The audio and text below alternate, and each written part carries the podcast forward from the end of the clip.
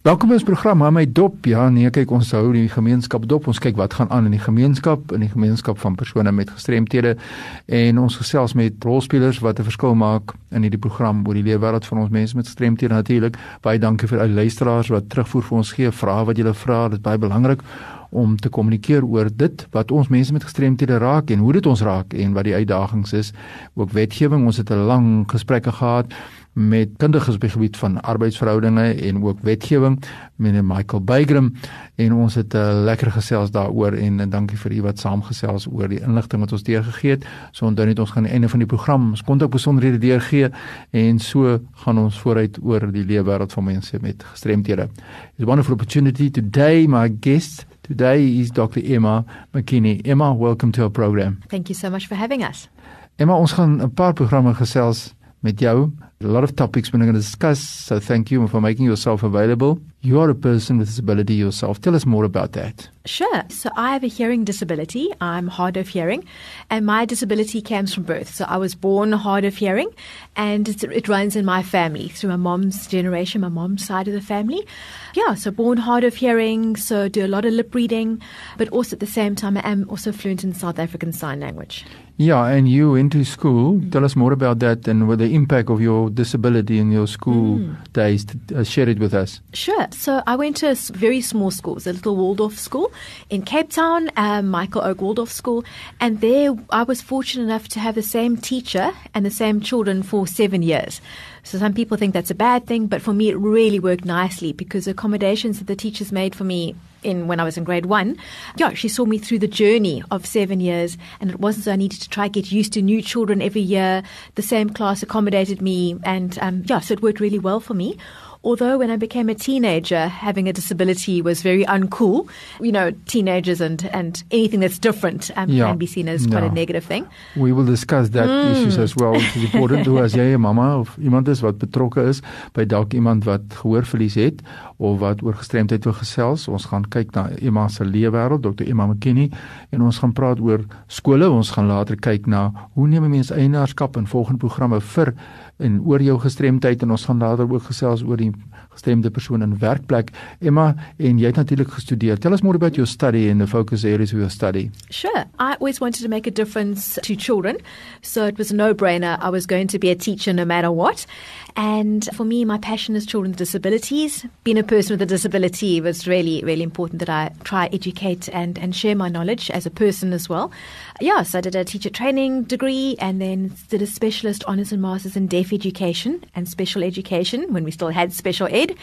And then I thought, oh, that's great. Education is wonderful. But then what happens to children with disabilities when they finish school? Where do they go?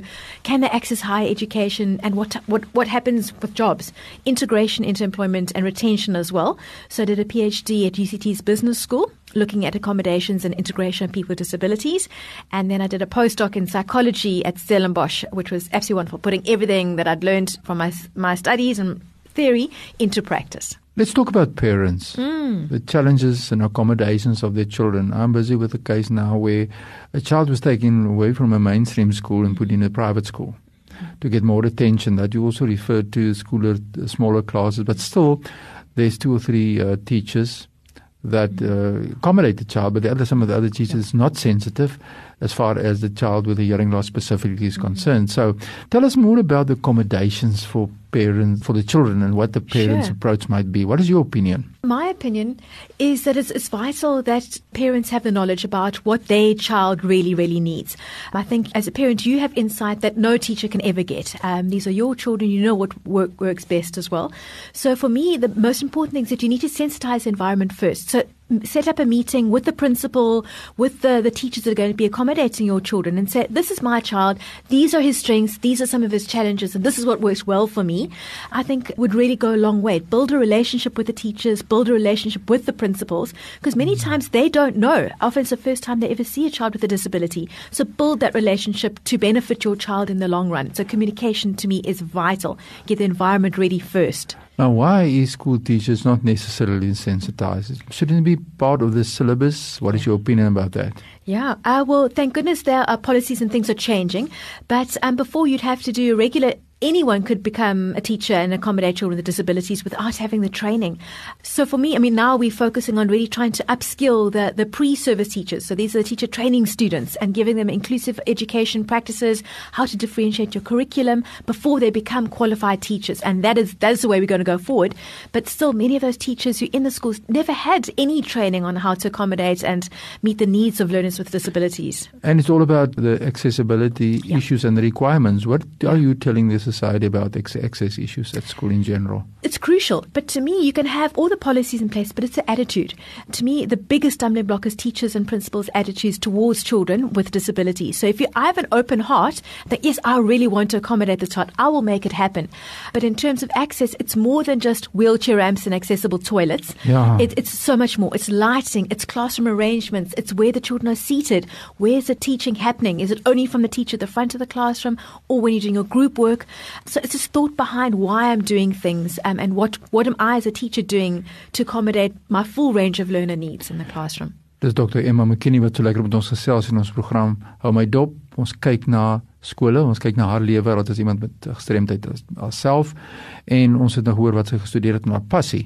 Nou volgende week gaan ek verder met Dr. McKenny gesels en ons het nog nie klaar gepraat oor hierdie inclusive schools and education and etc etc Emma.